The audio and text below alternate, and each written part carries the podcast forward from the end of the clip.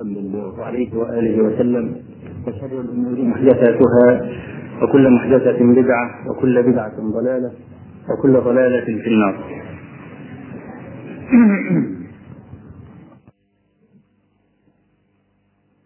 قول الله تبارك وتعالى ربنا ولا تحملنا ما لا طاقة لنا به.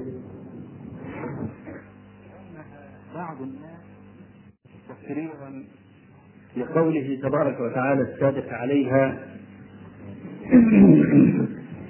ربنا ولا تحمل علينا إصرا كما حملته على الذين من قبلنا. قالوا الإصر معناه الشدة فأي معنى الكلام؟ أي ربنا لا تحمل علينا شدة. وقوله تبارك وتعالى ربنا لا تحملنا ما لا طاقة لنا به أي لا تحملنا شدة. فكأن هذا هو ذاك. من باب التكرير للتأكيد. والجواب أن هذا بخلاف ذاك. قوله تبارك وتعالى ربنا ولا تحمل علينا إصرا كما حملته على الذين من قبلنا دعاء أن يرفع الله تبارك وتعالى عنا جميع ما شدد به على الأمم السابقة لأننا آخر الأمم. فهذا خاص بإسقاط العقوبات التي عاقب الله تبارك وتعالى بها الأمم السابقة على تفريطهم في الطاعة في حق هذه الأمة بخلاف قوله تبارك وتعالى ربنا ولا تحملنا ما لا طاقة لنا به أي من أنفسنا أي ما يحدث فينا.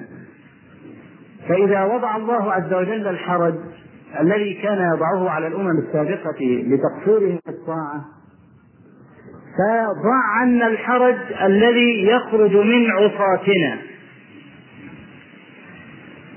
فهذا يدل على أن الدعاءين لا يغني أحدهما عن الآخر. فلئن جاز أن تسقط أن يسقط الحرج عن السالكين يجوز أن أضعه فيه ابتداء.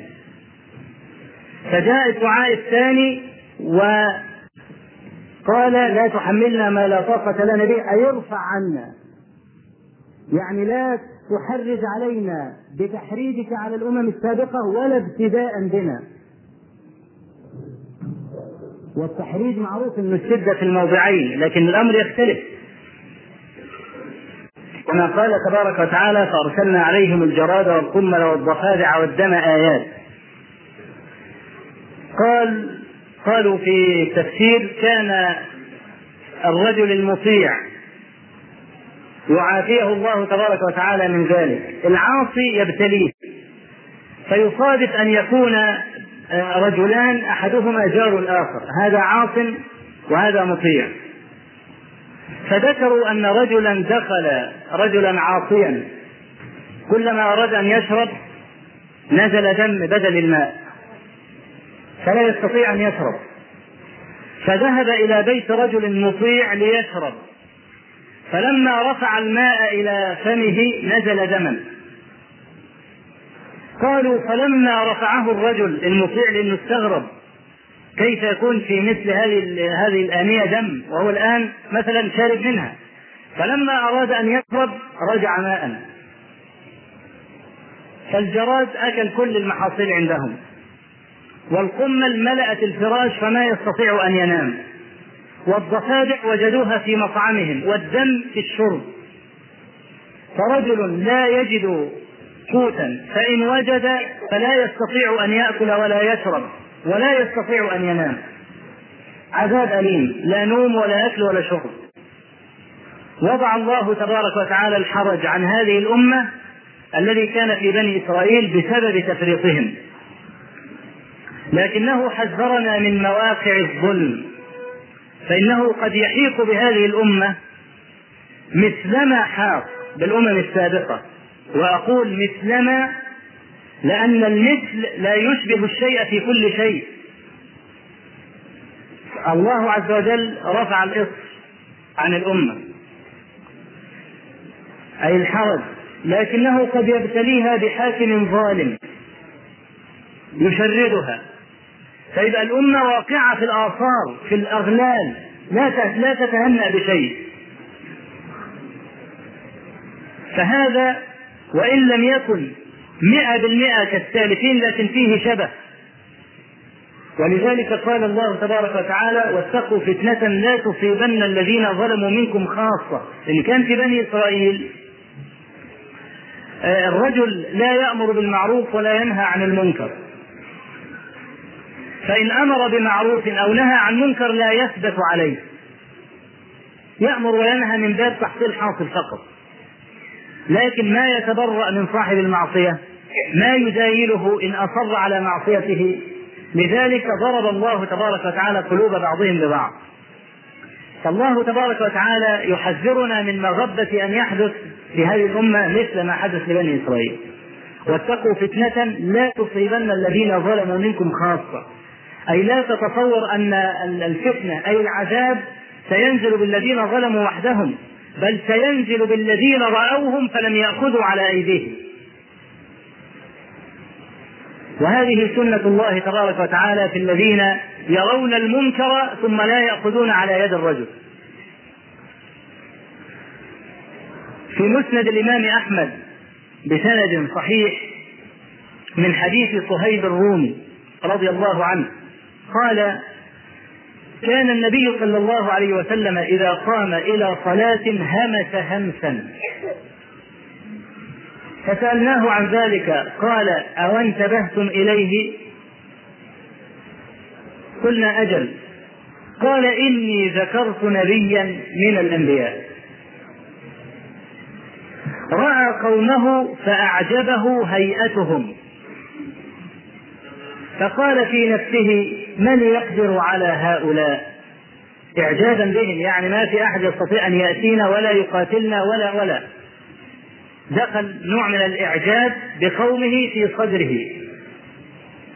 فأوحى الله إليه اختر لقومك إحدى ثلاث. إما أن أسلط عليهم عدوا يستأصلهم وإما أن أسلط عليهم الجوع وإما أن أسلط عليهم الموت.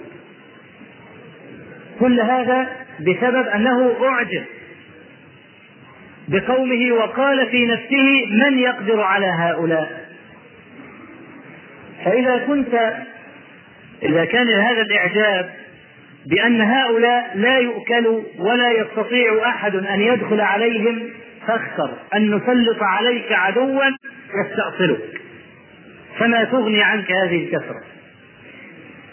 وإما الجوع وإما الموت. قال صلى الله عليه وسلم فاستشار قومه.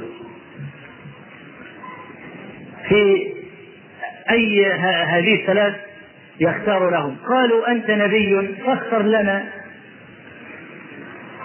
قال أي ربي أما عدو فلا. وأما الجوع فلا ولكن الموت. فأرسل عليهم ريحا فاستأصلت منهم سبعين ألفا. قال النبي صلى الله عليه وسلم فلذلك أنا أقول اللهم بك أصول وبك آه اللهم بك أصول وبك أجول. ولا حول ولا قوة إلا بك. استعاذ من أن يكون له حول أو طول أو أي قوة ووكلها إلى الله تبارك وتعالى خشية أن يحيط بهذه الأمة ما حاق بالأمة السالفة لما قال نبيها في نفسه من يقدر على هؤلاء. هذا كان نوع من العقوبة للأمم. يرسل عليهم موت سبعين ألف يروحوا في غمضة عين. بسبب نوع من الإعجاب دخل في صدر نبيهم. بهم. فالنبي صلى الله عليه وسلم نفى عنه البراءة والطول والقوة وجعل الحول لله تبارك وتعالى حتى لا يكون في هذه الأمة ما كان في الأمة التي ذكرها عليه الصلاة والسلام. إذا كان في الأمم السالفة أشياء كثيرة جدا من العقوبات التي أنزلها الله تبارك وتعالى عليهم عدلا منه بتقصيرهم. فأسقط الله تبارك وتعالى بدعاء المسلمين الأفاضل الصحابة الأوائل لما نزل قوله تبارك وتعالى لله ما في السماوات وما في الأرض وإن تبدوا ما في أنفسكم أو تخفوه يحاسبكم به الله قالوا ما نقدر ما نستطيع. قال النبي عليه الصلاة والسلام أو تريدون أن تقولوا كما قال أهل الكتاب من قبلكم سمعنا وعصينا؟ بل قولوا سمعنا وأطعنا. فذلت بها ألسنتهم فقالوا سمعنا وأطعنا فأنزل الله آية الفرج لا يكلف الله نفسا إلا وسعها. ثم أخذ على نفسه تبارك وتعالى أنه يستجيب لكل داع يدعو بهذه الآية. فكانت بركة الاستجابة بسبب بركة الطاعة والامتثال لها أول مرة. سمعنا وأطعنا. هذا هو المفتاح الذي إن أغفله المسلم راح دعاؤه هدرا. ما يكفي أن يقول سمعنا وأطعنا باللسان. ما لم يقترن ذلك إلى الفعل. سمعنا وأطعنا أي قولا وعملا. لأن الصحابة الأوائل وضع عنهم الحرج بقولهم سمعنا وأطعنا. فنزلت آية التخفيف ثم من الله عليهم بأن يستجيب. بأن يستجيب. ما من داع يدعو بهذه الآية بهذه الآية إلا استجاب الله له. ما لم يكن هناك معوقات لترك الاستجابة. كأن يكون مأكله من حرام ومشربه من حرام وملبسه من حرام وغذي بالحرام. أو أن يكون مقيما على المعصية مع إمكانه أن يقلع عنها أو أن يكون قاطعا لرحمه أو أن يكون ظالما في الجملة. فإن هذه الأشياء من أسباب عدم استجابة الله تبارك وتعالى لدعاء الداعي. ولذلك تجد الفرق بين دعاء السالفين ودعائنا حتى لو دعونا بمثل هذه الآيات. يعني السالفون كان الواحد منهم يدعو فأنت لا تموت حتى ترى آثار دعوته. مثلا كسعد بن أبي وقاص لما اتهمه أهل الكوفة وشكوه إلى عمر بأنه لا يحسن يصلي وهو الذي ذهب ليعلمهم الصلاة لكن افتروا عليه. فكان من أمر عمر بن الخطاب رضي الله عنه وكان هو أمير المؤمنين أن أرسل يسأل سعد قال له يا أبا إسحاق وهذه كانت كنية سعد بن أبي وقاص رضي الله عنه. لقد شكاك قومك في كل شيء حتى قالوا إنك ما تحسن تصلي. شوف شوف كلام عمر بن الخطاب. شكوك في كل شيء حتى. بعد كلمة حتى دي يذكر شيئا بدهيا لا يشتكى منه. لعموم العلم به. يعني شكوك في كل شيء. حتى قالوا أنك لا تحسن تصلي. كلمة حتى أنك لا تحسن تصلي دلالة على أن معرفة إقامة الصلاة من البدهيات التي لا تحتاج إلى علم إلى شرح. هذا كان في أزمان السالفين هنا هناك رجل سنه أربعين وخمسين وستين ولا يعرف كيف يضع اليمنى على اليسر أنا دعوت رجلا مرة وأخذته بنفسي شدا إلى المسجد. وقلت له ادخل صلي العصر. وكان يصلي بجانبي. كان يلتفت كاللف. ليه؟ مش عارف الظهر كم ركعة العصر كم ركعة. لا عنده خبر. ثم يضع اليمنى على اليسرى وضع اليسرى على اليمنى مش عارف يضع أيتها على الآخر على الأخرى. وأنا رأيت بعيني هاتين. أحد المحافظين يضع اليسرى على اليمنى في صلاة العيد. وأنا محتفظ بالصورة. قال لي أحدهم إن الصورة تيجي بالمقلوب قلت فما بد إما أن يكون جميع من من بجواره يضعون اليسرى على اليمنى أو هو. لأن الكاميرا مش هتقلبه هو لوحده. إنما هتقلب الجميع. فالكل وضع اليمنى على اليسرى إلا هذا وضع اليسرى على اليمنى. مما يدل على غربة الصلاة بين بعض المسلمين الذين ما صلوا قط لقد شكوت في كل شيء حتى. شكوت في بدهية من البدهيات التي ما يشكى أحد عليها. حتى قالوا إنك لا تحسن تصلي. فقال سعد أما إني لم آل أي لم أقصر في أن أصلي بهم صلاة النبي صلى الله عليه وسلم. فأطيل في الأوليين وأركض في الأخريين. الركض اللي هو الإيه؟ اللي هو الجري. المقصود بالركض هو التخفيف. أي أنه يطيل في الركعتين الأوليين من صلاة الظهر ويخفف في الركعتين الأخريين من صلاة الظهر. فقال عمر ذلك الظن بك يا أبا إسحاق. هو الظن بك أن تكون كذلك. ثم عزله. طب ليه؟ لماذا يعزله؟ قوما يسألون أهل الكوفة عن سعد فما تركوا مسجدا إلا دخلوه. هي دي المتابعة. ما تركوا مسجدا إلا دخلوه يسألون عن سعد فيثنون خيرا. إلا في أحد المساجد قام رجل قال للسائل أما قد نسبتنا الله تبارك وتعالى؟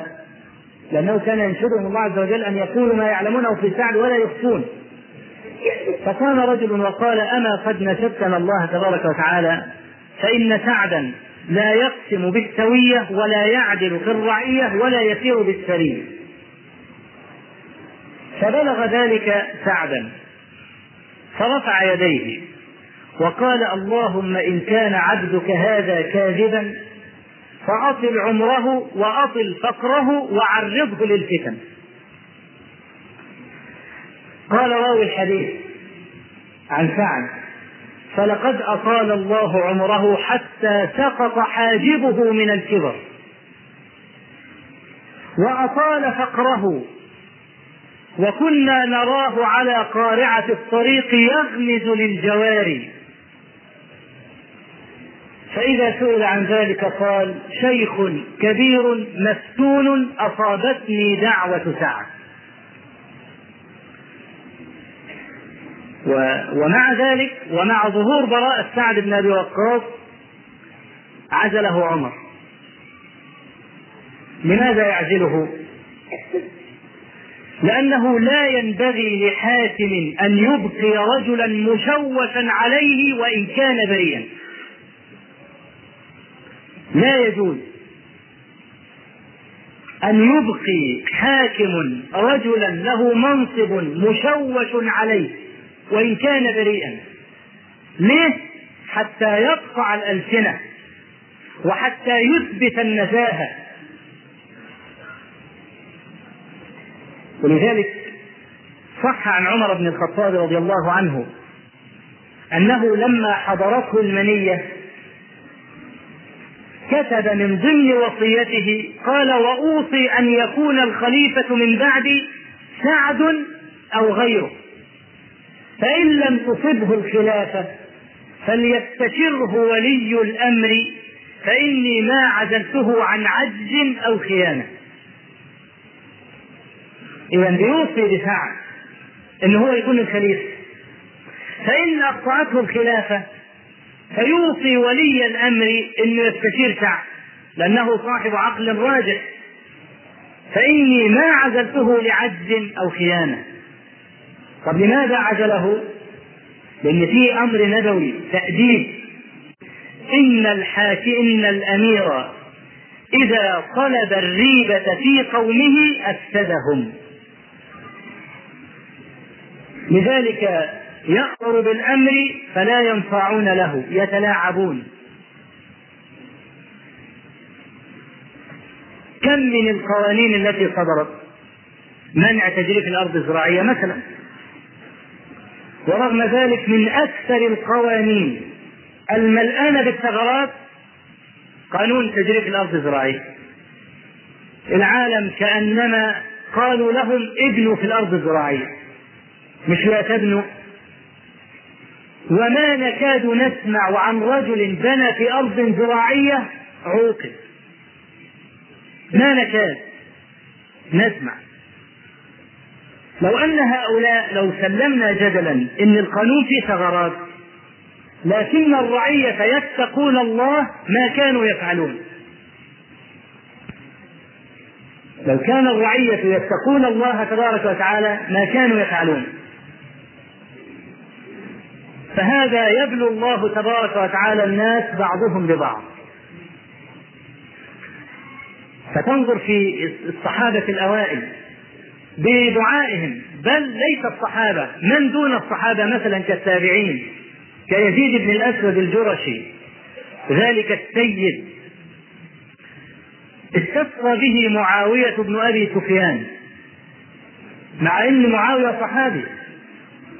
وكان موجود على أيام معاوية صحابة. لما أجدبت ال ال ال الأرض بسبب أن السماء لا تمطر أن الله لم يرسل المطر تبارك وتعالى صعد معاوية على المنبر. ثم قال اللهم إنا ندعوك بخيرنا. قم يا يزيد. فقام يزيد فجلس تحت عقبيه على درج المنبر. ثم دعا يزيد بن الأسود فما وضع يده حتى نزل المطر. ومنهم الربيع بن خثيم أيضا تابعي جليل. كان ابن مسعود إذا رآه قال وبشر المخبتين. وكان يقول له والله لو رآك محمد صلى الله عليه وسلم لأحبك ومحمد بن واسع ذاك التابعي الجليل الذي كان إذا أصبح الصباح يكتحل حتى لا يرى أثر البكاء على عينيه من قراءة القرآن. وحتى يشد أشفاره لأن الكحل بيشد أشفار العين. فلا يظهر فيها ذبولا. فيسأل عن ذلك فيضطر أن يقول السبب. وكانوا يعاملون الورع كأنه عورة. كانوا يخفون ورعهم كأنه عورة. في تراجم هؤلاء أنهم كانوا يدعون الله تبارك وتعالى فيستجيب الله عز وجل لهم. إما في حياتهم ولا أو بعد وفاتهم. والذي يأتي حكاية الاستجابة بعد الوفاة من سمع منه الدعاء. إذا هناك فرق بين أن يدعو المرء وهو طائع وبين أن يدعو الله تبارك وتعالى وهو عاص. فإن المعصية من شؤمها أنه قد لا يستجاب للعبد في الدنيا لكن يمكن أن يستجاب له في الآخرة إن نزع. لذلك قوله تبارك وتعالى ربنا لا تحملنا ما لا طاقة لنا به أي لا لا تعنينا ابتداء بذنوبنا.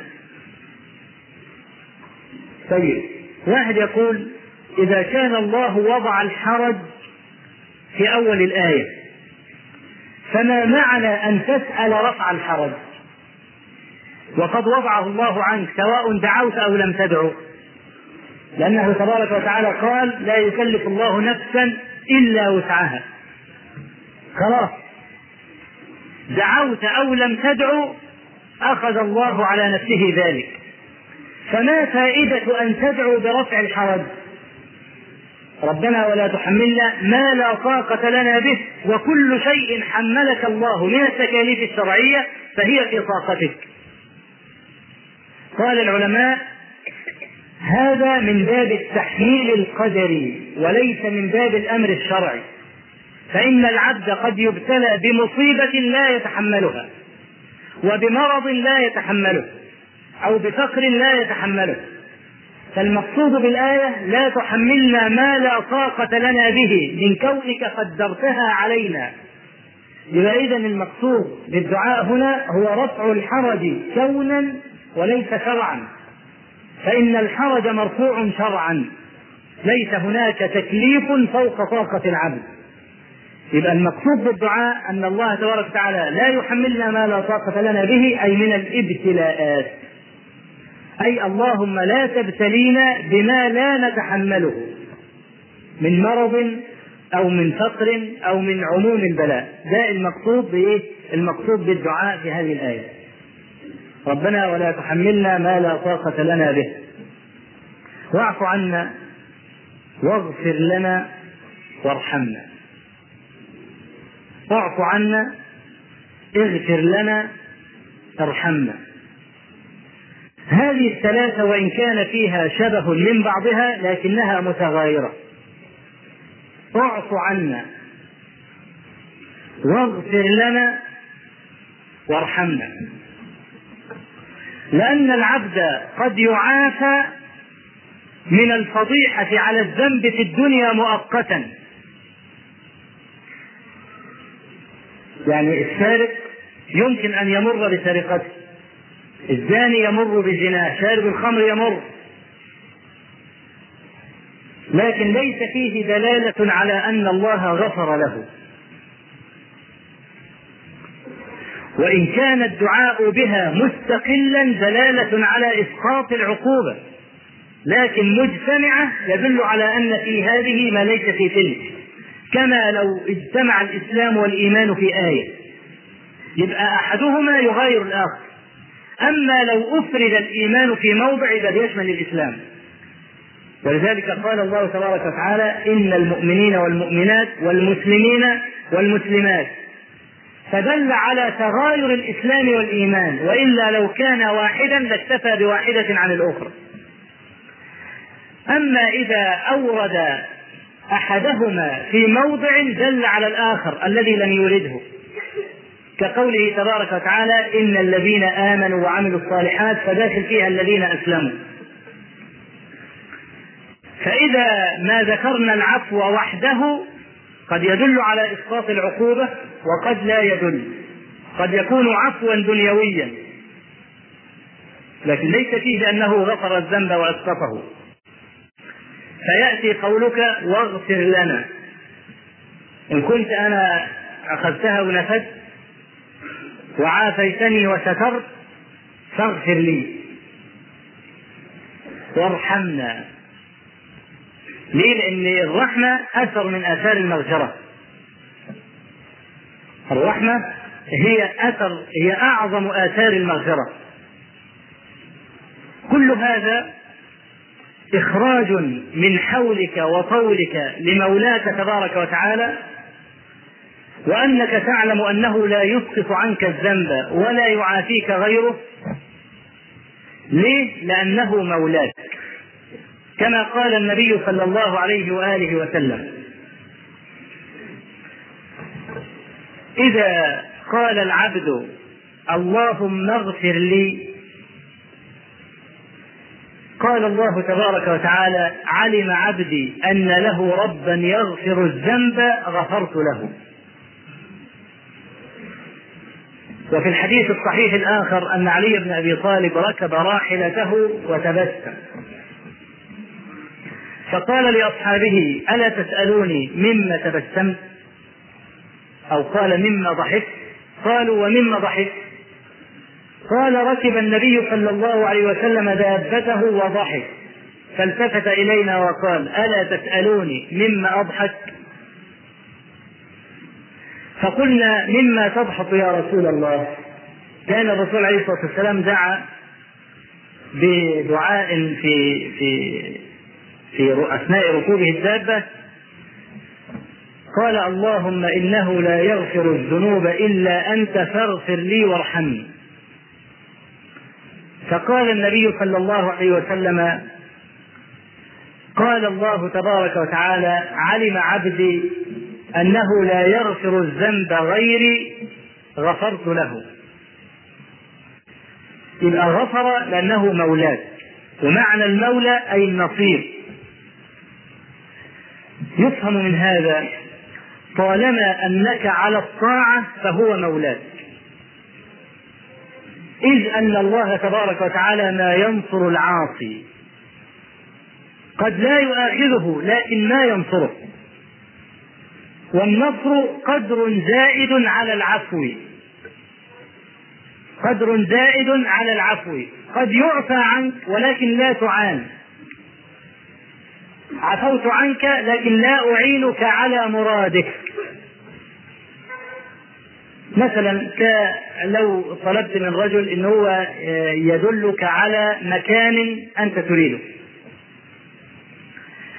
فهناك فرق بين أن يصف لك وبين أن يأخذك من يدك إلى الموضع. فهذه زيادة على تلك.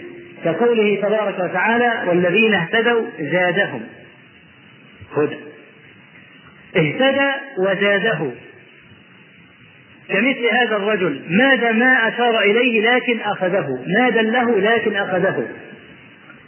فقد يعفى عنه لكن لا ينصر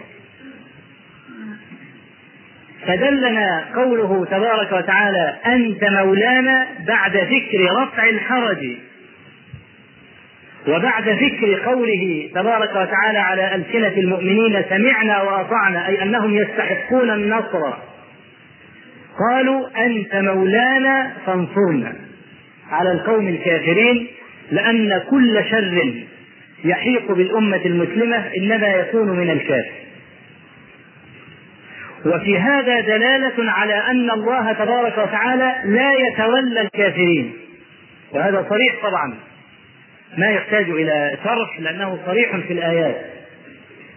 الله مولى الذين آمنوا وال, وال... وال... الله ولي الذين آمنوا. يخرجهم من الظلمات إلى النور. نعم.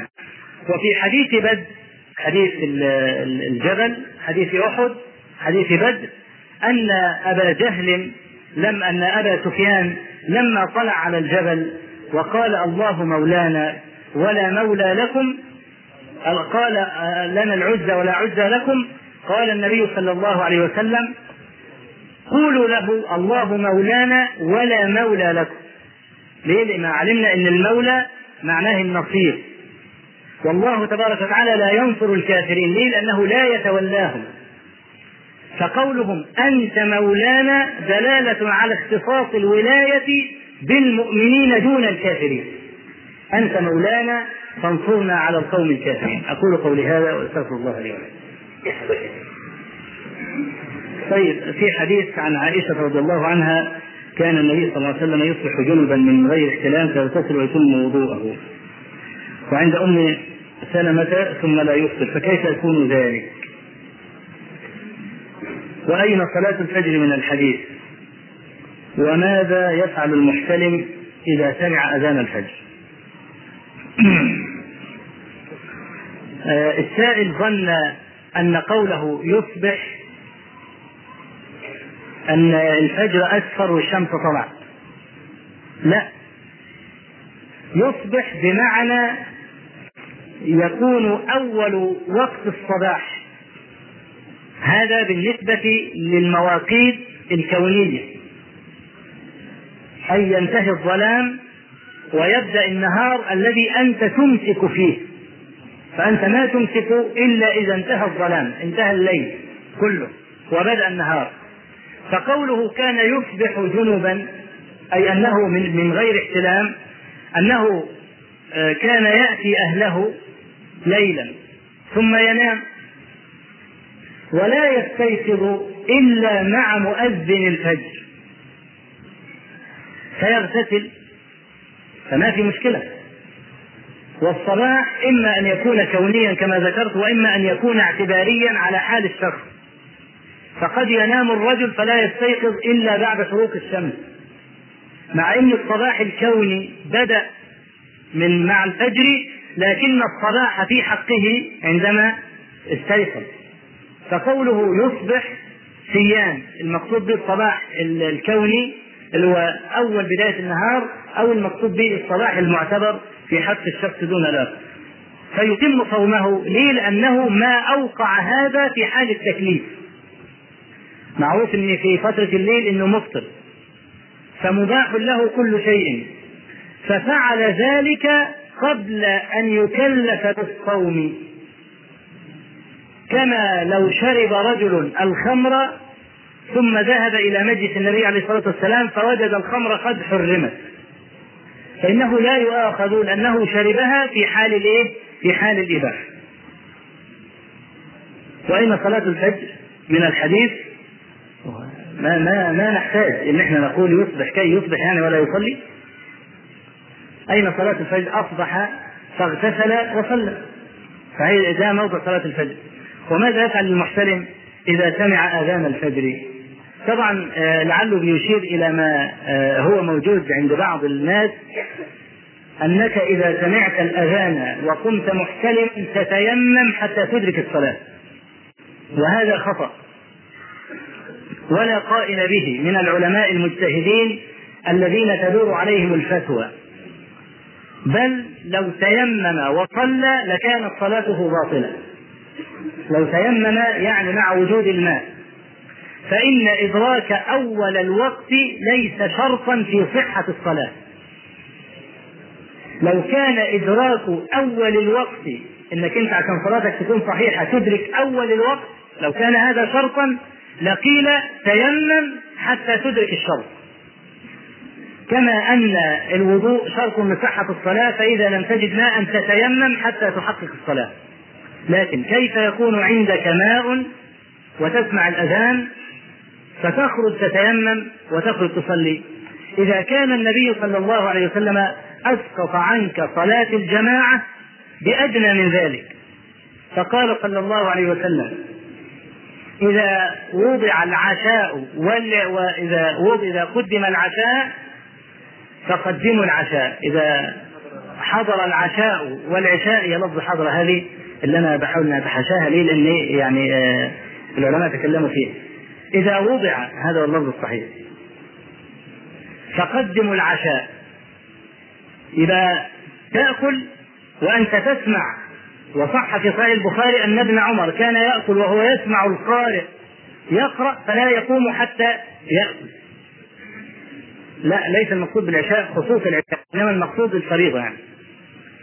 فأيما رجل جوعان جوع شديد يلهي عن الصلاة وأذن وأقيم للصلاة يأكل وإن تخلف عن الجماعة. وكذلك قوله صلى الله عليه وسلم لا يصلي الرجل وهو يدافع الأخبثين. الأخبثين الإيه الغائط أو الإيه؟ أو البول. فلو دخل رجل بعد الأذان وكان عنده آه، آه، استطلاق في بطنه فغاب في الحمام ربع ساعة.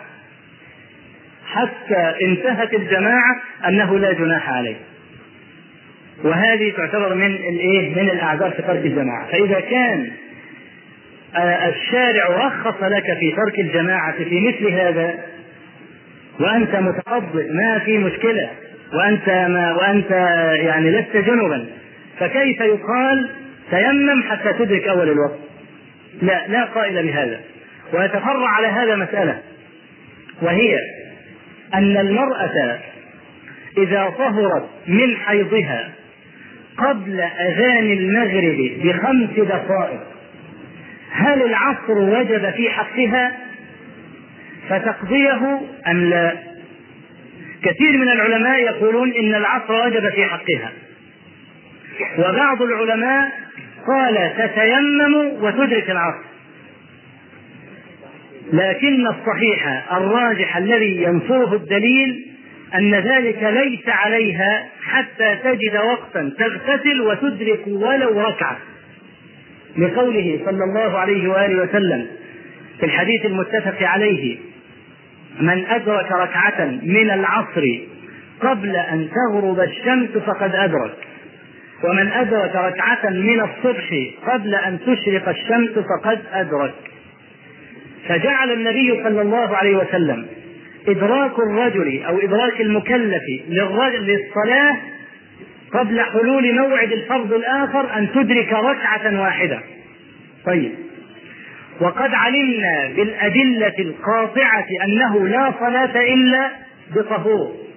وقد علمنا بالأدلة القاطعة أنه لا يتيمم مع وجود الماء. ففي خمس دقائق هل تستطيع المرأة أن تغتسل وتخرج فتدرك ركعة؟ لا تستطيع. طيب لماذا لا تستطيع مع إن الإنسان يمكن؟ الرجل. يمكن أنه يغتسل ويصلي ركعة في خمس دقائق. طب لماذا لا تستطيع المرأة ذلك؟ لأنه يلزم المرأة أن تنقض شعرها في الاغتسال من الحيض بخلاف الجنابة. المرأة لما تكون جنب تغتسل وشعرها ضفيرة. ولا يشترط أن تخلل شعرها بالماء. لا يشترط بالنسبة للمرأة إذا أجنبت إن الماء يصل إلى أصول الشعر وشعرها كله يصل الماء. لا. والدليل على ذلك حديث عبيد بن عمير. قال لعائشة رضي الله عنها وهذا الحديث رواه مسلم. قال يا أم ألم تسمعي عبد الله بن عمرو بن العاص وهو يفتي النساء بأن ينقضن شعورهن في غسل الجنابة؟ فقالت عائشة يا عجباه لابن عمرو هذا أفلا يأمرهن أن يحلقن رؤوسهن؟ لقد كنت أحفي على شعري ثلاث حسيات ولا أزيد على ذلك. وكنت أغتسل مع النبي صلى الله عليه وسلم من الإناء الواحد. فدل أن المرأة اغتسالها في حال الجنابة ليس عليها إن هي إيه؟ إن هي تنقض شعرها بخلاف الحيض. فقد أمر النبي صلى الله عليه وسلم النساء أن ينقضن شعورهن في الغسل من الحيض بحيث يصل الماء إلى منابت الشعر. فكيف تستطيع المرأة أنها تنقض شعرها وأنها توصل الماء إلى كل شعرها وتغتسل ثم بعد ذلك تدرك ركعة؟ هذا من العنت الذي وضعه الله تبارك وتعالى عن هذه الأمة. إذا المرأة لو طهرت من الحيض في وقت من الأوقات ظهر عصر مغرب عشاء أي وقت؟ وباقي نحو خمس دقائق أو وقت لا يكفيها مع السرعة إنها تغتسل وتدرك ركعة من الفريضة القادمة أن أن الفريضة التي طهرت فيها لا تلزمها والله أعلم. ما حكم النقامة والبلغم في نهار رمضان؟ وهل الأكل والشرب ناسيا اختص به صيام الفريضة أم فريضة ونفل؟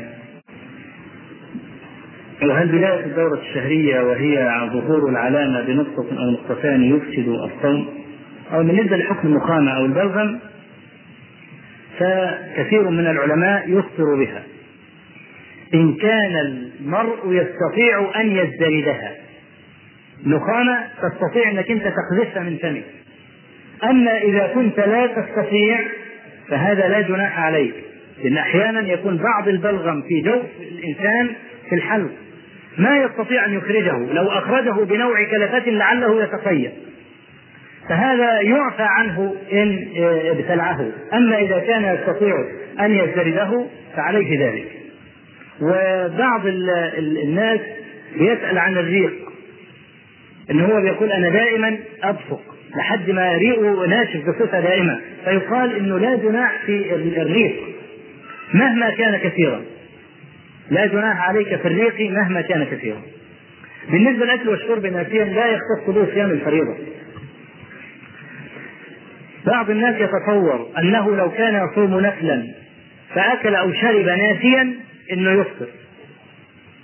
فيقال لهم إذا كان في صيام الفريضة وهي أقوى لأنها أوجب لأنها واجبة إذا كانت في صيام الفريضة وهي الأقوى يتجاوز عنك أفلا يتجاوز عنك في أخف من ذلك؟ هذا ما يسميه العلماء بالقياس الأولوي أو القياس الجلي. القياس الجلي أو القياس الأولوي. يقولون إذا كان يجوز لك إذا كان إذا شربت أو أكلت ناسيا في نهار رمضان يجوز لك أن تتم صومك أو يجب عليك أن تتم صومك فلا أن يكون ذلك في النافلة من باب أولى. هو ده إيه؟ اسمه قياس أولوي كقول الله تبارك وتعالى فلا تقل لهما أف. لا تقل لوالديك أف. فهل يجوز أن تضربهما؟ لا يجوز أن تضربهما. ومن يطع الله ورسوله فقد فاز فوزا عظيما. أما بعد فإن أصدق الحديث كتاب الله تعالى وأحسن الهدي هدي محمد صلى الله عليه وآله وسلم وشر الأمور محدثاتها وكل محدثة بدعة وكل بدعة ضلالة وكل ضلالة في النار. إلى القرآن من جديد. سلسلة هذا هو الثامن منها. وفي هذا الدرس نختتم الكلام على الآيتين من سورة البقرة. قال الله تبارك وتعالى لا يكلف الله نفسا إلا وسعها لها ما كسبت وعليها ما اكتسبت. ربنا لا تؤاخذنا إن نسينا أو أخطأنا. ربنا ولا تحمل علينا إصرا كما حملته على الذين من قبلنا.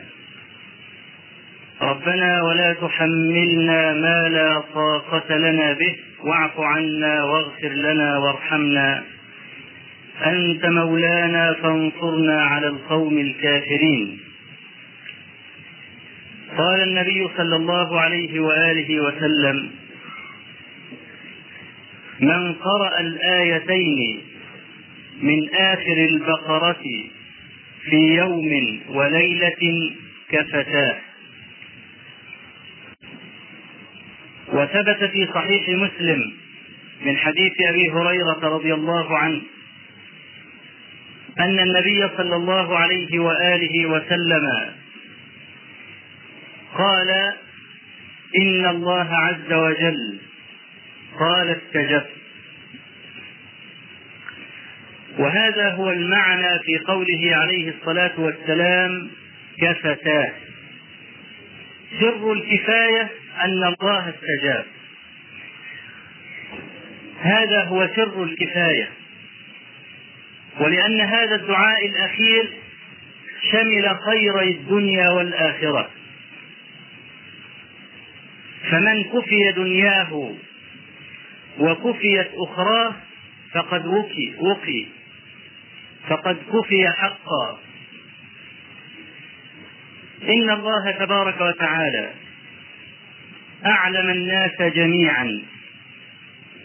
أنه لا يكلف أحدا فوق طاقته. لأن هذا يتنافى مع عموم رحمته بخلقه. فلو كلفت رجلا مقطوع اليدين أن يحمل صخرة عظيمة. كنت قد كلفته محالا.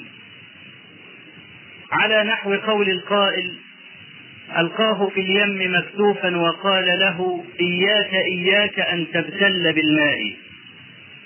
كيف؟ وقد ألقيته فيه. الرحمن عموم عموم رحمته بخلقه جميعا. الرحيم خصوص رحمته بالمؤمنين. رحمن رحيم حتى بالكفرة. لأنه لو عذبهم لأنه لو آخذهم بكفرهم ما رزقهم. ولسلط عليهم الأمراض. لكنه تبارك وتعالى حتى تقوم حجته على خلقه يرزق هذا الكافر ويعافيه ولكن ليس له في الآخرة خلاق. لا يكلف الله نفسا إلا وسعها لأن هذا من تمام الرحمة. كل شيء فرضه الله عز وجل على العبد في إمكانه أن يفعله. إذا لماذا لا يفعلون؟ خرجوا من الطاعة. الذين لا يصلون هل لأن الصلاة شاقة؟ لا. لو أن الله تبارك وتعالى فرض الخمسين صلاة ماذا كانوا يفعلون؟ خمس صلوات لا يصلونها. ليس هذا فوق طاقة المرء. إن هذا يسير سهل. لكن النفوس الخبيثة تستصعب السهل. ليس عندها شيء قط شاق إلا في الطاعة. بدليل أن هذا الذي لا يصلي قد يكون يعمل عتالا أو يمارس أشقى المهن ولا يضج بها ولا يقصر يوما لا يتغيب عن عمله. مع أن عمله شاق جدا لماذا يترك الصلاة إذا؟ هل لأنها شاقة؟ لا جميع التكاليف الشرعية في مكنة العبد أن يفعلها لذلك إذا واجهه الله تبارك وتعالى بتقصيره لم يجد جوابا ومن هنا قال النبي صلى الله عليه وآله وسلم من نوقش الحساب عذب. مجرد المناقشة. ما يعذب أبدا إلا المقصر. لا يجد جوابا. أعطيتك عينين ولسانا وشفتين وفؤادا وعقلا ومالا وبنين وعافيتك من الأمراض. أين شكرك؟ لا يجد جوابا. هذا هو العذاب. أو هذا من العذاب. بخلاف المؤمن الذي يلقنه الله تبارك وتعالى حجته فإن لم يجد جوابا رحمه. كما في حديث البطاقة وغيرها أن الله تبارك وتعالى يدني كنفه على العبد يوم القيامة أي العبد المؤمن. فيقول الله تبارك وتعالى له أي عبدي فعلت كذا وكذا يوم كذا وكذا. فيقول نعم يا رب. يقول وأنا أسترها عليك وأغفرها لك. هذا المؤمن لا يجد مشقة في المناقشة لأن الله تبارك وتعالى أسقط عنه الحرج. أما الذي يقصر ولا يجد جوابا هذا هو العذاب. كما لو قلت لولدك ولله المثل الأعلى عندما لا يوفق في الامتحان آخر العام أعطيتك كذا وكذا وأحضرت لك مدرس وأعطيتك مصروفا كذا وكذا ماذا فعلت؟ لا يجد جوابا كل شيء كل تكليف وضعه الله تبارك وتعالى على العباد في مكنتهم أن يفعلوه إذ لا يكلف الله نفسا إلا وسعها. لها ما كسبت وعليها ما اكتسبت. وقد وضحنا الفرق في المرة الماضية بين الكسب والاكتساب. ربنا لا تؤاخذنا إن نسينا أو أخطأنا. أول دعاء في هذه الآية الكريمة. الذي قال الله تبارك وتعالى استجب. لا تؤاخذنا إن نسينا أو أخطأنا. والنسيان معنى يعتري العقل بغير اختيار منه. ولذلك العلماء يفرقون بين النسيان السمائي والنسيان الكسبي. لذلك قلنا في تعريف النسيان معنى يعتري العقل بغير اختيار منه. ما هناك إنسان يختار أن ينسى؟ لأن النسيان من الآفات التي قد تكلفك كثيرا جدا في حياتك. وتصعب عليك السهل. فهو أحد العوارض السماوية. أي التي يبتلى بها العبد بغير اختيار منه. لذلك علماء الأصول يجعلون من العوارض السماوية أي من الأشياء التي تعترض المكلف وهي من السماء كالجنون مثلا وكالصغر. كل هذا قادح في أهلية المكلف. يجعلون النسيان أيضا. إذ لا اختيار للعبد في أن ينسى أو أن يتذكر. مرض. يعتري العقل. لكن هناك فرق بين هذا النوع وبين النوع الآخر الذي يكون بتقصير العبد. النسيان المقصود في الآية هو الأول اللي هو العوارض السماوية. نسيت بغير اختيار منك. أما أن تنسى وبإمكانك أن تتذكر بإمكانك أن تدرأ عنك هذا النسيان فليس هو المقصود بالآية. مثل ماذا؟ مثل قوله صلى الله عليه وآله وسلم بئس لأحدكم أن يقول نسيت آية كذا وكذا بل يقول نسيت. ما هو الفرق إذا لو قال العبد نسيت آية كذا بئس ما قال. لكن لو قال نسيت لا جناح عليه بل هو المطلوب منه شرعا. فما هو الفرق بينهما؟ الفرق أن العبد إذا نسب النسيان إلى نفسه دل على تقصيره في مراجعة القرآن. فإذا لم يراجع القرآن تفلت منه. إذا نسيانه القرآن هنا بإهماله. ليس كل ناس للقرآن. نسيه لأن عقله قل ضبطه. بل تجد بعض الأذكياء ينسون القرآن. لماذا؟ لأنه لا يراجعه لا يتابعه. والقرآن عزيز. من تركه تركه. ما يبقى القرآن في صدر مهمل أبدا. وهذا من عدته لا يبقى إلا مع المعتني به مع الذي يتعاهده ليل نهار. فإن العبد إذا قال نسيت دل على أن نسيانه بسبب إهماله. فبئس ما قال. لكن يقول نسيت أي لا اختيار له في النسيان. هناك من جعله ينسى. لا اختيار له في أن ينسى لأنه نسي. فهناك فرق بين النسيان الكسري الذي يكون بإهمال العبد وبين النسيان إذا جاءه من السماء. فإذا لم يكن باختيار العبد أن ينسى سقط عنه كل شيء إلا حقوق العباد فيما يتعلق بهذا النوع من النسيان. ربنا لا تؤاخذنا إن نسينا. وصح عن النبي صلى الله عليه وآله وسلم قال إن الله تجاوز لأمتي عن الخطأ والنسيان وما استكرهوا عليه. معنى تجاوز أي أنه لا يؤاخذ العبد بالخطأ ولا بالنسيان.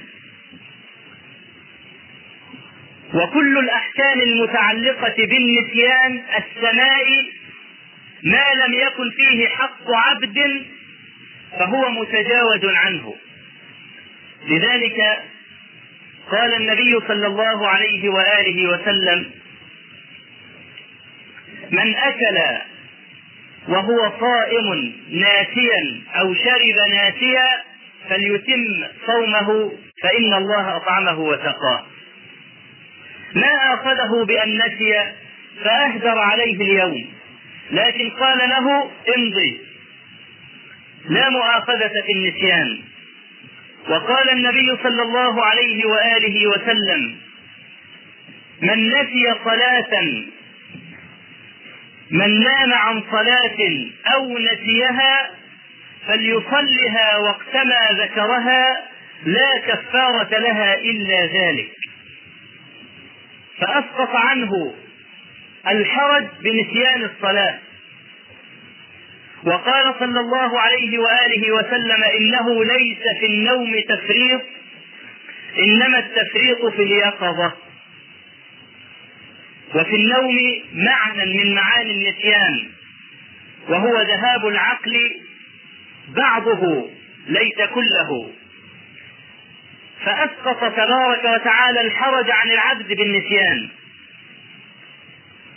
استجب كما أخبر النبي عليه الصلاة والسلام عن رب العزة تبارك وتعالى. ربنا لا تؤاخذنا إن نسينا أو أخطأنا. الخطأ هنا بخلاف النسيان. لأن العبد قد يخطئ وهو متذكر. كمن رمى هدفا فأصاب إنسانا. مثلا أو من أراد أن يشرب ماء فوجد خمرا. لا يشترط في الخطر أن يكون هناك نسيان. بل قد يخطئ العبد وهو متذكر. كأنك تقول اللهم لا تؤاخذني بما ذكرت وبما نسيت. وأنت إما ذاكر وإما ناسي. كأنك تقول اللهم لا تؤاخذني بأي حال من الأحوال. وهناك من العلماء من حمل النسيان على الخطأ غير العمد وحمل الخطأ على الخطأ العمد. فإنك إذا تعمدت معصية الله تبارك وتعالى ثم تبت إليه أسقط عنك هذا العمد. كأنك بهذا المعنى تقول رب لا تؤاخذني لا عامدا ولا ناسيا. والآية تشمل كل هذا. ربنا لا تؤاخذنا إن نسينا أو أخطأنا. ربنا ولا تحمل علينا إصرا كما حملته على الذين من قبلنا. الإصر هو التشديد. لا تحمل علينا إصرا. أي لا تحملنا مشقة كما حملت الأمم السابقة علينا بسبب معاصيها. قال الله تبارك وتعالى استجبت. وهذا واضح جدا من نصوص القرآن والسنة أن الله تبارك وتعالى فضل هذه الأمة على جميع الأمم بأن وضع عنها الإصر. وقال في وصف نبيها صلى الله عليه وآله وسلم يضع عنهم إصرهم والأغلال التي كانت عليهم. فوضع النبي عليه الصلاة والسلام الإصر بالرخص. وضع الإصر بالرخصة. ووضع الإصر بالعزيمة أيضا. في بني إسرائيل كان من شروط توبتهم أن يقتل بعضهم بعضا. وإذ قال موسى لقومه يا قوم إنكم ظلمتم أنفسكم باتخاذكم العجل فتوبوا إلى بارئكم فاقتلوا أنفسكم. ذكر الزهري وغيره أنهم تلاقوا فجعل بعضهم يضرب بعضا فمات منهم سبعون ألف رجل في عشية في, في ضحوة نهار. وكان هذا من تمام توبتهم أن يقتل بعضهم بعضا. فوضع الله عز وجل هذا الإصر والحرج عن المذنبين من هذه الأمة. وصح في صحيح البخاري ومسلم من حديث أبي هريرة رضي الله عنه أن النبي صلى الله عليه وآله وسلم قال غزا نبي من الأنبياء صلوات الله وسلامه عليه فقال لا يتبعني ثلاثة نفر. رجل له خليفات ينتظر نتاجها خليفات الغنم. ورجل بنى بامرأة ولما يدخل بها. ورجل رفع بيوتا ولم يرم سقوفها. فخرج مع هؤلاء حتى دخل على الجبارين.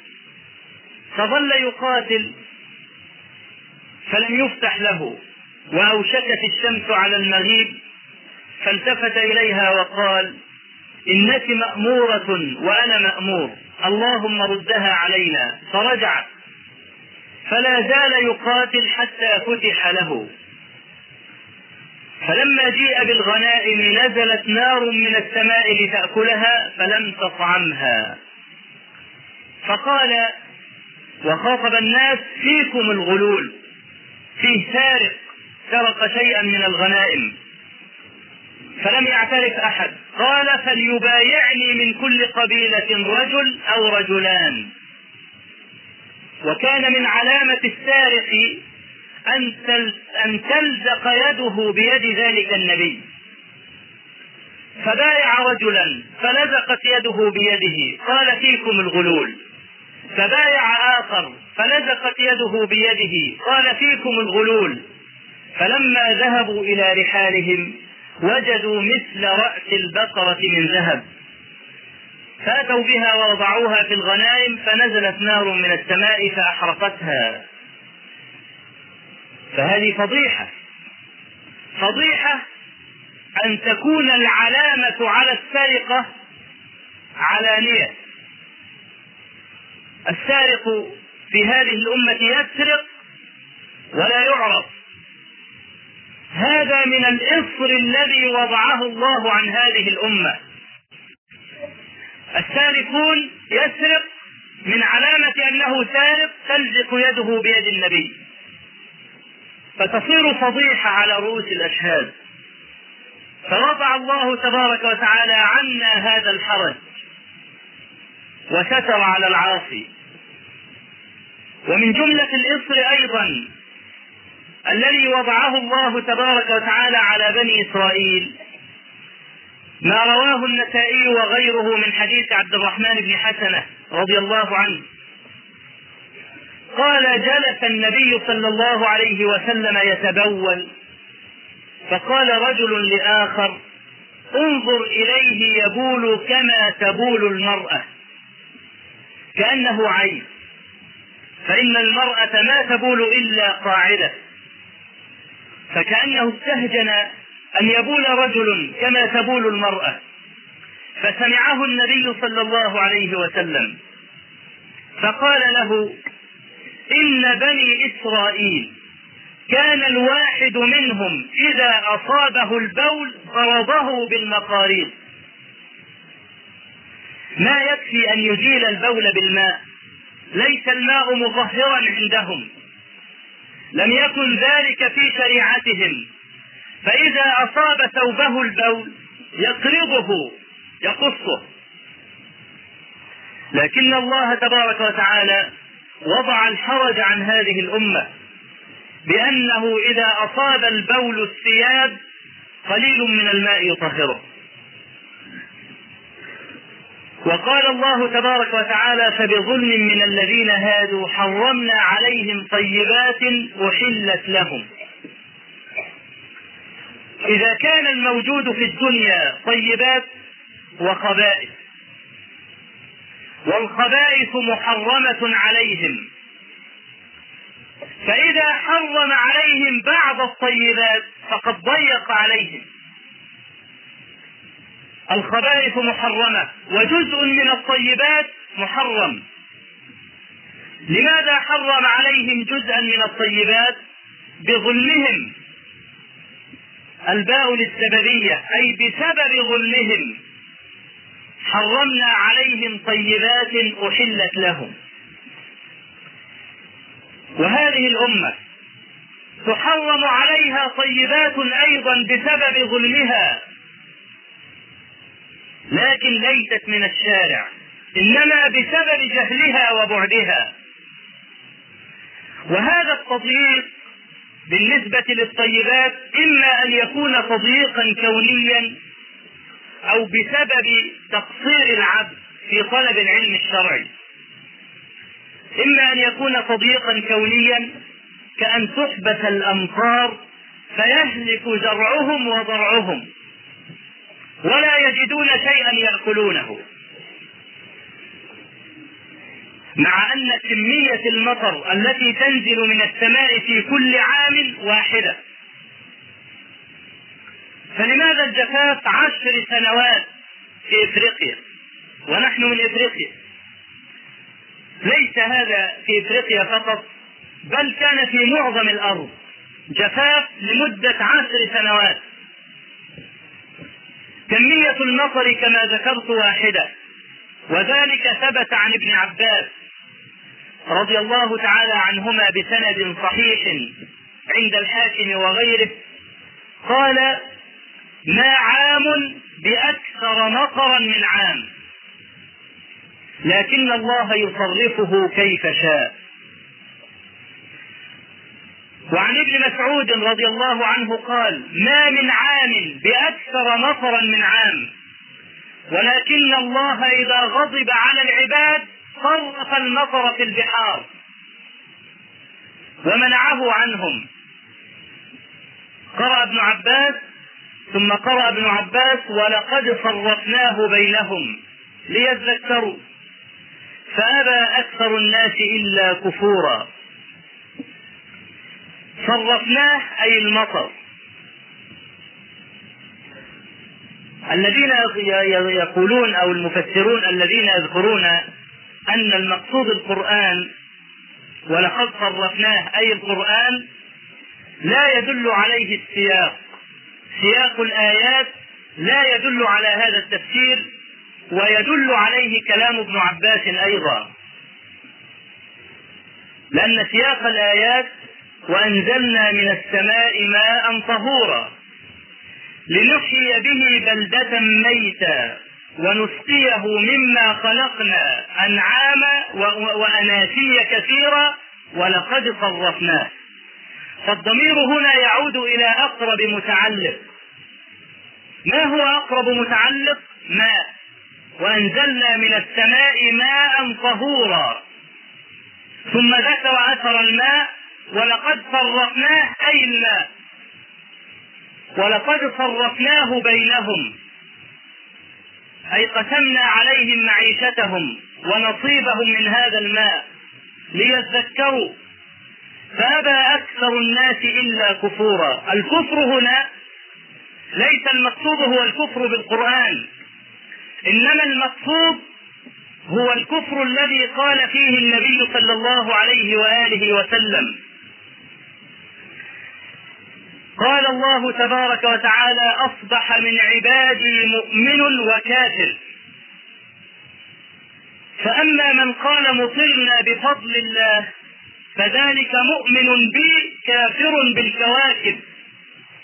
وأما من قال مطرنا بنوء كذا وكذا فهذا كافر بي مؤمن بالكواكب. كما يقول أصحاب النشره الجويه الرياح الشمالية الشرقية الغربية هي التي تسوق المطر تسوق السحاب وبعدين يمطر بسبب إن في رياح قادمة من الشرق أو الغرب. هذا هو الذي نهى النبي صلى الله عليه وسلم عنه. لقد قرأت في بعض الجرائد من نحو عدة سنوات عنوانا عريضا بحيرة ناصر أنقذتنا من ال من ال العطش. وجعل يقول إن لولا الماء الذي اختزناه في هذه البحيرة لكان عندنا مجاعات كما حدث في إفريقيا. ما يذكرون الله تبارك وتعالى وأنه المتفضل؟ لو أصبح ماؤكم غورا أيها الناس فمن يأتيكم بماء معين؟ لو غارت الأرض وأخذت الماء فمن الذي يأتيكم بماء معين؟ هذا هو الكفر المقصود في الآية. فأبى أكثر الناس إلا كفورا. يقولون مطرنا بنوء كذا وكذا. ونقل النحاس الإمام المفسر إجماع العلماء على أن المقصود بالكفر هنا هم الذين يقولون مطرنا بنوء كذا وكذا وهذا يدل على أن المقصود هو الماء دون القرآن. أقول قولي هذا وأستغفر الله لي ولكم.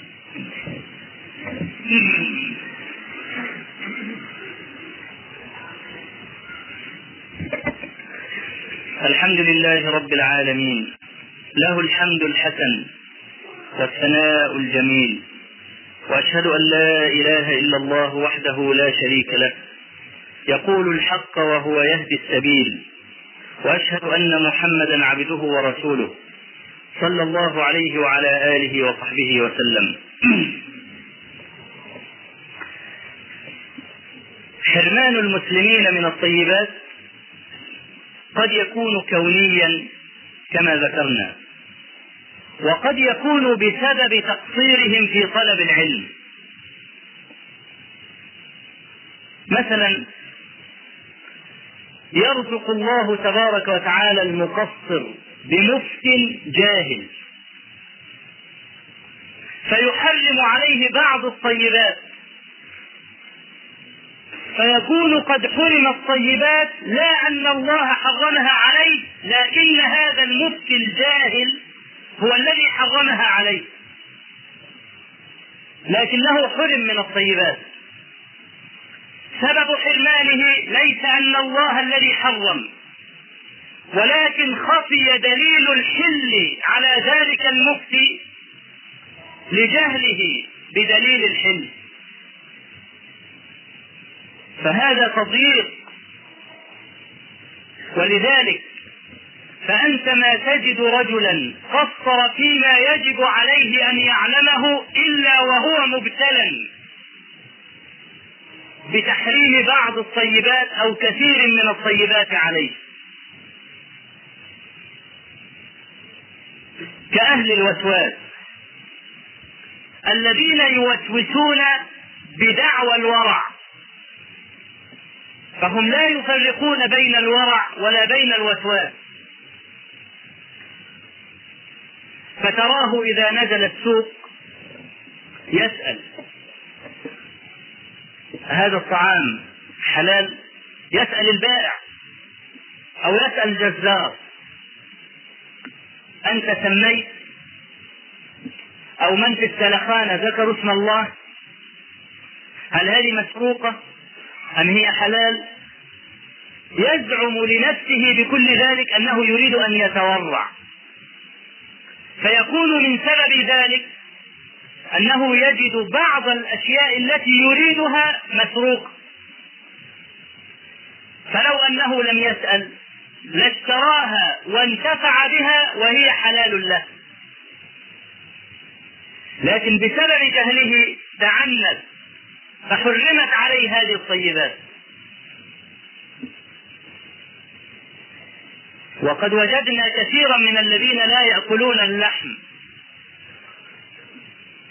بدعوى أن كثير من الجزارين يسبون الدين. سلمنا أن كثيرا منهم يسب. ونحن قد ذكرنا قبل ذلك إجماع العلماء على أن ساب دين الله كافر خارج من الملة. قصد أو لم يقصد. عقد قلبه أو لم يعقد راض أو غضبان كافر كافر. وأن الذي يسب الله تبارك وتعالى كافر أيضا خارج من الملة. غاضب أو راضي ناسي أو غير ناسي.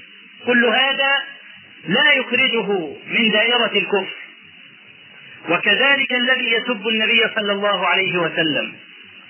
هذه الثلاثة من ارتكبها فقد كفر. فهو يقول إن الله تبارك وتعالى أباح لنا ذبيحة أهل الكتاب ولم يبح لنا ذبيحة الكافر وهذا قول حق. فالذي يسب دين الله عز وجل كافر لو ذبح حال سبه أو لم يخرج من سبه إلى الإسلام لا يجوز أن تؤكل ذبيحته. ليه؟ لأنه كافر. كما أنه لا يجوز أن تأكل ذبيحة الشيوعي أو ذبيحة المجوسي أو ذبيحة عابد البقر. لا يجوز أكل ذبائح هؤلاء. لكن هل أنت على علم بأن هذا الجزار بخصوصه يسب الدين؟ ما عندك علم.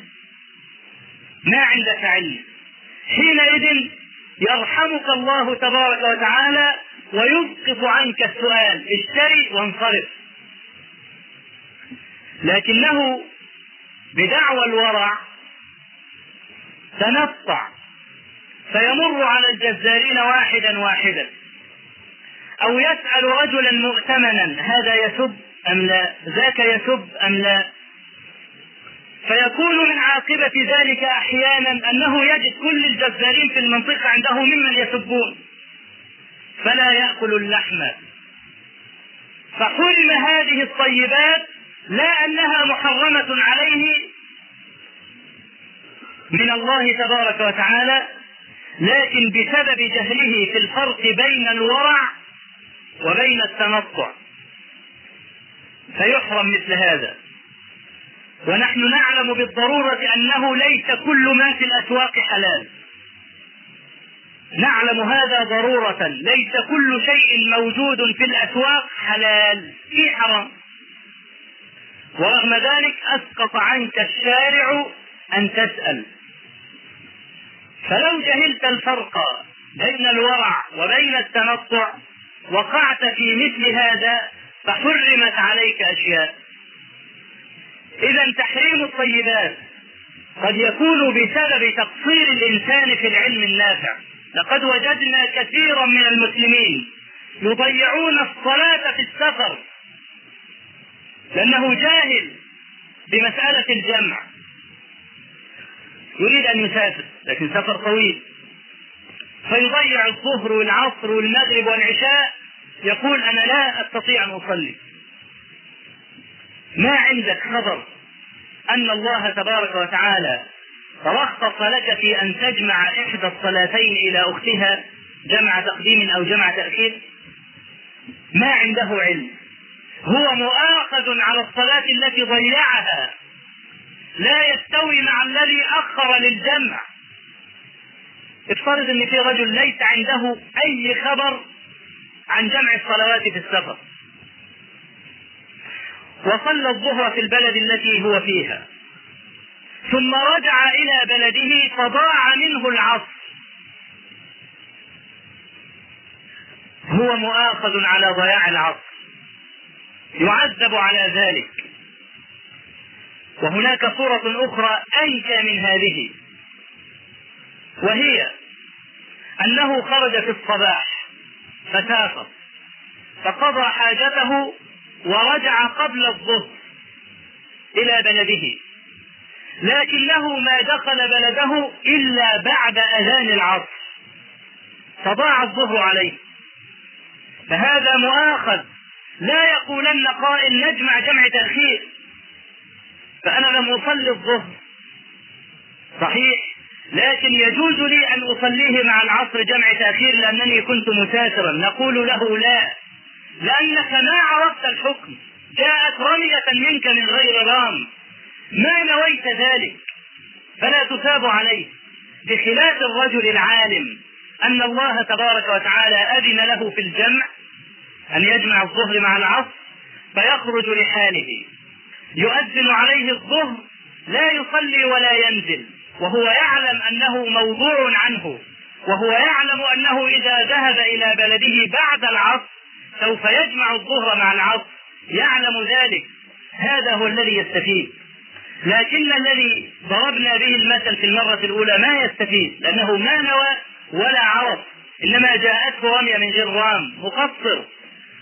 فما الذي يجعل المسلمين لا يحفظون مثل هذه الرخصة ويضيع الصلاة بسبب جهله بسنة الجمع أو بسنة القصر وهناك من الناس من يرى أن القصر في السفر لا يجوز.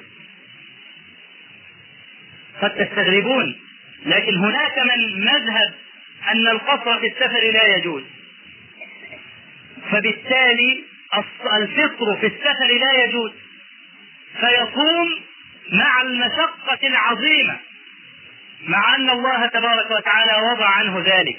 لكن عنا نفسه بجهله. إذا قد يكون الجهل سببا في حرمان الإنسان من بعض الطيبات. فهذا يدل على أن مطلق الإصر غير موضوع عن هذه الأمة. ومقصودي بمطلق الإصر أي ما يتعلق بحق الآدمي. أما الله تبارك وتعالى فقد وضع الإصر عن هذه الأمة كما في هذه الآية الكريمة. التي قال الله تبارك وتعالى فيها استجبت. وللحديث بقية بعد الصلاة إن شاء الله. نسأل الله تبارك وتعالى أن ينفعنا بما علمنا وأن يعلمنا ما جهلنا. اللهم اغفر لنا ذنوبنا وإسرافنا في أمرنا. وثبت أقدامنا وانصرنا على القوم الكافرين. اللهم اجعل الحياة زيادة لنا في كل خير واجعل الموت راحة لنا من كل شر. اللهم قنا الفتن ما ظهر منها وما بطن. اللهم هيئ لهذه الأمة أمر رشد يعز فيه أهل طاعتك ويذل فيه أهل معصيتك ويؤمر فيه بالمعروف وينهى فيه عن المنكر. أقول قولي هذا وأستغفر الله لي ولكم.